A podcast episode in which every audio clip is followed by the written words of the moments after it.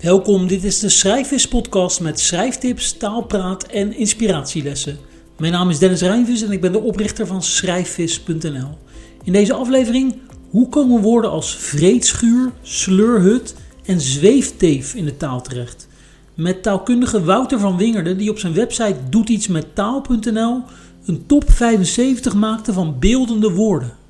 Koopgoot, klapvee, vreedschuur, kuttenlikkertje. dat zijn de top 75 van beeldende woorden uh, heb je gemaakt. Hoe kwam je erbij om dit te gaan doen? Het kwam eigenlijk door het woord vreedschuur. En ik kom dat af en toe eens tegen, of ik bedenk het zelf als ik een restaurant zie waarvan ik denk, oh, dat is weer typisch een vreedschuur. Ik kan ook geen niks anders bedenken, want er zijn alleen maar uit, eufemismen zoals um, Wokpaleis of Wereldrestaurant. Maar het komt er eigenlijk op neer dat het gewoon een hele grote tent is waar je um, voor bepaalde tijd je, boek, je, je, boekt voor twee uur bijvoorbeeld. Um, eigenlijk jezelf helemaal te barsten kan eten, om het grof te zeggen. Kom je daar vaak in dit soort tenten? Nee, nee, bijna nooit. En ik vind het wel heel eh, fascinerend. Het fenomeen is best wel groot er zijn ook heel veel mensen die dat echt vaak doen. Gewoon elke zondag met de hele familie erheen. En er heersen ook allerlei gekke regels omheen. Dat je als je een bord niet leeg eet, dat je juist extra moet betalen. Dat soort hele, hele gekke dingen. ik kan me dus nog een keer herinneren dat ik in de uh, Shabu Shabu was. En dat, dat is ook een vreedschuur. En dan, uh, dat gaat dan vooral over, ehm, hoe heet het ook weer, sushi. Uh, en toen had ik inderdaad een keer uh, te veel opgeschept. Had ik nog een paar stukjes op mijn bord uh, laten liggen. En ik kwam daar nooit, maar die vriend zei: Ja, die moet je echt opeten, want anders moet je extra betalen. Toen, ja. toen ben ik dus naar de wc gegaan. en heb ik een paar stukjes door de wc gespoeld. Ja, dit was toen nog wat minder geld had. Hè? en, dus dat soort rare regels heb je inderdaad. Dus dat was ook wel echt een vreedschuur. Je moest daar gewoon zoveel mogelijk vreten. en anders ja. moet je jezelf betalen. Ja. Um, maar goed, dit soort woorden, vreedschuur, die, die fascineren jou. Ja, omdat het zo'n ontzettend grof woord is. Vreten is ontzettend grof. Uh, schuur is ook heel grof. En bovendien, kijk, er staat daar iets wat best mooi is. Het zijn zelden lelijke panden. Er is heel goed over nagedacht. En je kan daar prima zitten en het is ruim. En uh, er is eigenlijk, als je het op het eerste oog ziet, niks mis mee. En het eten ziet er waarschijnlijk ook allemaal keurig uit. En maar om het dan een vreedschuur te noemen, dat verraadt eigenlijk de ware aard van zo'n, van zo'n restaurant. Ja. mensen komen er inderdaad om te bunkeren, gewoon echt zichzelf vol te eten. En ik weet nog, ik, een van de weinige keren dat ik bij zo'n gelegenheid geweest ben, uh, toen was er ook zo'n een, een ober die zei heel trots van ja, het record hier is dat er iemand 13 borden heeft leeggegeten. Het echt een fantastische prestatie was. Ja, het, verraadt, het woord vreedschuur verraadt dan ook een soort onderliggende cultuur. In de... Ja, dat ook. En schuur doet natuurlijk ook een beetje aan veehouderij denken. Een soort varkensachtig gedrag met troggen en zo. En zo grof ziet het er niet uit, maar dat is natuurlijk stiekem wel wat mensen doen. Ja.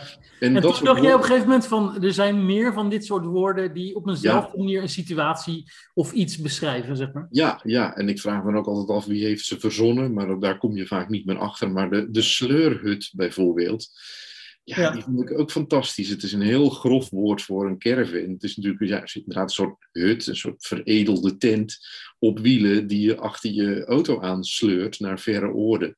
Ja. En uh, dat is natuurlijk ook wel komisch bedoeld en mensen gaan het dan ook zo gebruiken.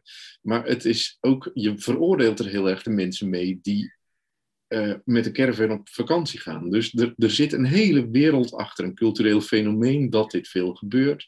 En dan ja. ook de meningen daarover.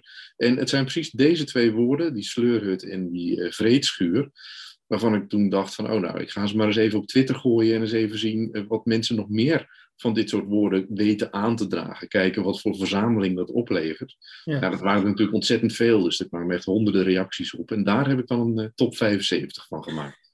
En welke woorden, uh, want het gaat, ik heb hem hier voor me, het gaat van uh, asobak tot geldwolf tot, tot mediagel, mierenneuker, zie ik, pooierbak, poepdoos, uh, vreedhaak. Wat is een vreedhaak, godsnaam? Ja, de vreedhaak, daar kun je je riem op zetten. Dat is als je te veel gegeten hebt en je moet uitbuiken, wat trouwens ook een fantastisch woord is, dat heeft geen enkele andere taal. Ehm, dan ja, heb je even wat ruimte nodig en dan mag het wat minder strak gespannen. En dan zet je je riem één of twee gaatjes losser. En dat is dus als je je riem op de vreedhaak zet. Ik ken hem niet, maar ik vind hem wel goed. Ik ga hem uh, ja, vaker gebruiken. Maar uitbuiken valt er ook onder. Dus, uh, ja, die had er eigenlijk ook nog wel prima bij gekund. Het zijn zelden, uh, het zijn bijna altijd zelfstandige naamwoorden. Uh, nou ja, inderdaad, een, een slettenbak of uh, slobberwijn of uh, een reetveter, ook zo'n ontzettend mooi beeldend woord. Maar toevallig ja, is uitbuiken dan net een, een werkwoord, ja. En kuttenlikkertje is dan een hond, toch? Of niet? Ja, klopt. Dat is zo'n, zo'n, eigenlijk zo'n soort schoothondje en dat klinkt heel lief. Maar een kuttelikkertje is natuurlijk meteen heel gemeen.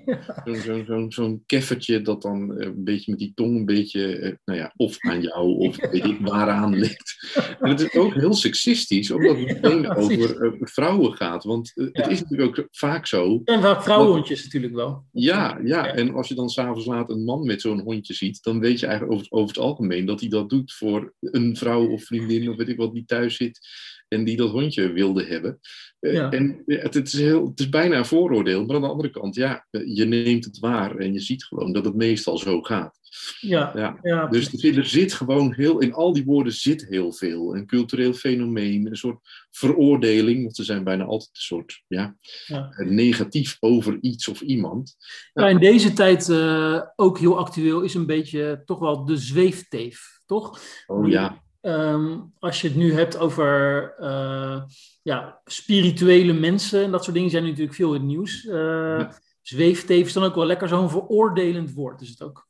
Dat is het inderdaad, want het, het, veroordeelt natuurlijk het hele gedoe over, weet ik wat, of het nou yoga is, wat nog redelijk aards is, tot aan maanstenen en allerlei onzin die mensen geloven. En vooral ook onzin die verkocht wordt, want zweefteven zijn ook nog wel eens geldwolven. uh, ja, um, daar zit heel veel kwalijks achter. En uh, kijk, zweefteven natuurlijk, uh, ik, ik, het doet me meteen denken aan Joep van het Hek. Het zou me niet eens verbazen als die het voor het eerst ooit geroepen heeft. Hmm. Het is heel veroordelend over een bepaald type mens. Het rijmt lekker. Het zijn vaak ook woorden die uh, zelf al heel erg lekker zijn, omdat ze een bepaalde mooie vorm hebben, zoals dat binnenrijm hier. Uh, en het is ook heel, ja, dat zweven zit hem dus in het zweverige. En teef is meteen weer, je weet dat het om een vrouw gaat. Het, is, het zijn heel vaak eh, er zijn iets te veel van deze woorden die inderdaad veroordelend zijn over vrouwen. En of dat ja, nou bij vrouwen zelf vandaan komt, of dat man, mannen, dat, mannen dat verzonnen hebben, weet ik niet zo goed. Maar de typmiep of de tikgeit is ook zo'n voorbeeld, bijvoorbeeld. Nou, we hebben ook haatbaard. Dat is meestal een man, denk ik. Ja, klopt. Uh, dat komt wel weer uit de geen stijlhoek volgens mij, want daar zijn ja. ze ook altijd heel sterk in dit soort uh, woorden een pooierbak zie ik, dat is ook een mannengelier natuurlijk. Maar ja. aan de andere kant uh, veel meer vrouwen dingen inderdaad. Dat is, toch wel, is dat toch, waar komt dat door, denk je? Uh, ik denk eigenlijk doordat sowieso het uh, uitschelden van mensen heel vaak gaat om minderheden of zwakkere groepen, groepen die zich minder makkelijk kunnen verdedigen. Dus alles wat zeg maar niet aan de norm uh, witte heteroman voldoet. Wat toch altijd traditioneel de machtigste groep in de maatschappij is. Dat, dat, kan, dat kan sneller op allerlei veroordelingen rekenen. En dat heeft algemeen met maatschappelijke meningen te maken of, of discussies. Maar dus dat zie je ook in die woorden terug. Dus inderdaad, de, de huppelkutten, ja, ik zie daar niet meteen een, een, een mannelijke variant van terug in zo'n lijst. Krijgen we dat nu niet een beetje ook meer richting die, want die blanke witte mannen, wat wij ook trouwens bij zijn, uh, dat die iets meer onder vuur komen te liggen nu en dat er ook meer misschien van dat soort woorden kunnen ontstaan? Voor ons. Ja, voor ons. Ja. Uh, ja, nou, dat weet ik niet zo goed. Kijk, eh, de, de, de oude witte man heb je natuurlijk, waar altijd over gezeurd wordt. Is er niet ook zo'n woord voor, voor ja. van, die, uh, van die dikke witte mannen op wielrenfietsen bijvoorbeeld of zo? Dat, ja, er moeten toch ook van dit soort woorden... Uh... Ja, die zijn er wel, maar niet zo dit soort beeldende gevallen. Er is toevallig wel de mamil. Maar ja, dan moet je ook maar net weten wat dat is. Dat, klinkt meteen, dat hoort niet in deze lijst thuis. Mamil is een afkorting voor Middle-Aged Men in Lycra.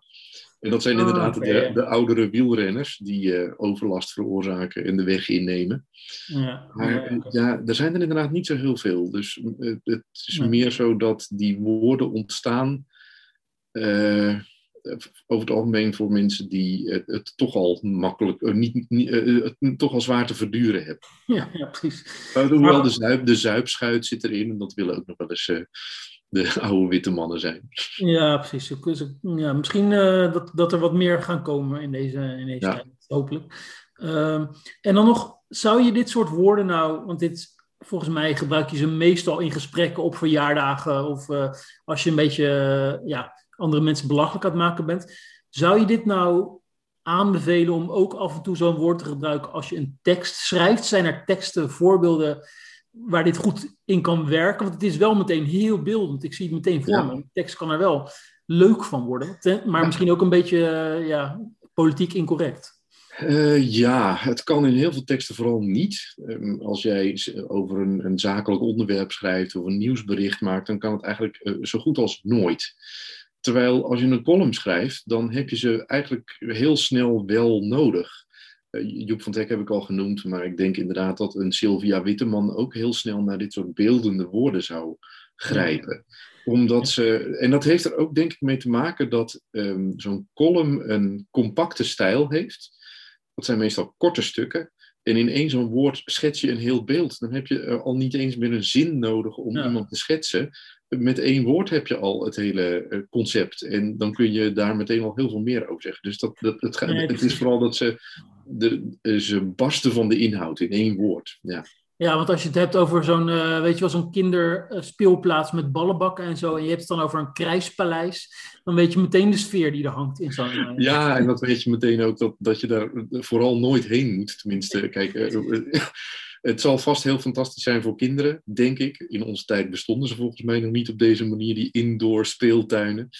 Eh, maar eh, voor ouders moet het een hel zijn, verwacht ik. En het is eigenlijk een soort lovenswaardig dat ze dat- ervoor over hebben voor hun kinderen. Maar ik ben heel blij dat ik er nooit heen hoef naar zo'n krijgspaleis.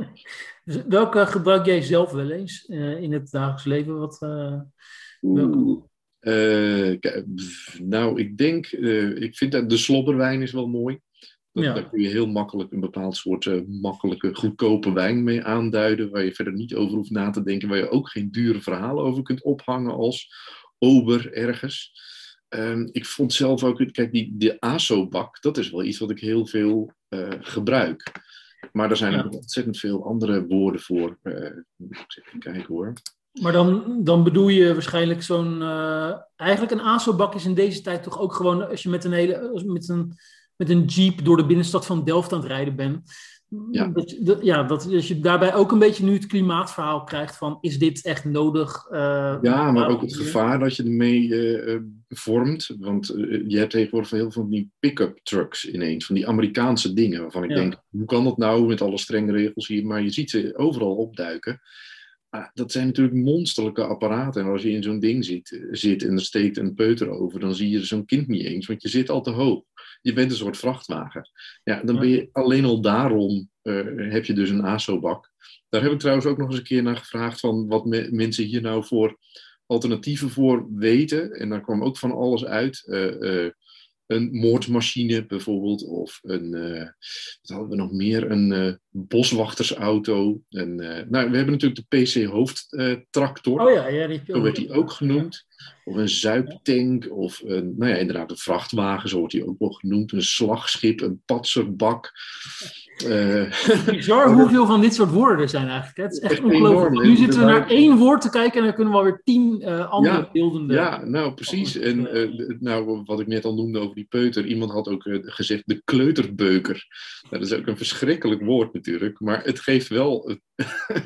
het, het, het geeft een enorm oordeel over zowel die auto als ook degene die ervoor Ja. kiest om in zo'n ding te rijden. Ja, Dus een heel maatschappelijk fenomeen wordt in één zo'n woord samengevat. En dan is het heel fascinerend dat inderdaad voor het fenomeen zelf soms ook nog weer andere woorden bestaan. Ja. Die allemaal één ander aspect benadrukken. ja, het is ook wel bizar inderdaad. Hoe, wie, één iemand bedenkt het dan waarschijnlijk en dan blijft het toch hangen als het, als het, uh, als het aanslaat of zo. Als mensen het uh, meteen voor zich zien, dan gaan mensen het ook gebruiken. Want ja, ja het is ongelooflijk hoeveel er, hoeveel er wel niet zijn. Zou jij het zeg maar, je, je ben, je, ben je fan van deze woorden of hoe, hoe kijk je hier naar? Zeg je van lekker gebruiken uh, of, of niet? Ik, ik, ben er als waarnemer enorme fan van, want ik zie ze en ik vind het fascinerend wat zo'n woord kan doen. Maar fan in de zin van je moet ze heel veel gebruiken en je moet zo grof mogelijk zijn. Nee, dat heeft heel veel met de context te maken. En wat je in spreektaal doet, moet je allemaal zelf weten natuurlijk. Um, en als je schrijft, ja, ik zei al, in columns past het vaak heel goed, maar daar moet je over elk woord sowieso nadenken. Van welk effect wil je. Maar zelfs, daar, zelfs daarin zijn sommige hiervan nog, nog best wel grof, toch? Ik bedoel, als je in een stuk gaat schrijven over neukteugels. ja. Ja, dat, ja, je zet jezelf er ook een beetje mee in een hoek. Dat als je alles met deze woorden gaat uh, uh, omschrijven, dan ben je. Uh, dan verschiet je wel heel snel je kruid misschien. Dan wil je te sterk zijn, dan wil je te veel indruk maken. En soms zit de kracht van taal juist ook enorm in understatement en subtiliteit. En daar past dit weer helemaal niet bij. Dus je moet heel goed nadenken over je stijl en of dit wel bij je past en of het niet misschien eigenlijk je boodschap of je doel hindert. Dat kan, maar ja, dat, dat verschilt zo erg dat ik daar niet een algemeen advies over kan geven. Nog één vraagje, wat is een reetketelsteen? Een reetketelsteen, volgens mij ging het om uh, aanbijen of iets dergelijks. Okay. In elk geval iets wat daar beneden zit en wat er niet hoort. ja, dat zijn vaak uh, seksistische dingen ook. Uh. Oké, okay, um, ik ga even mijn bordeelsluipers aantrekken en uh, ontbijten, denk ik. Doe dat. ja.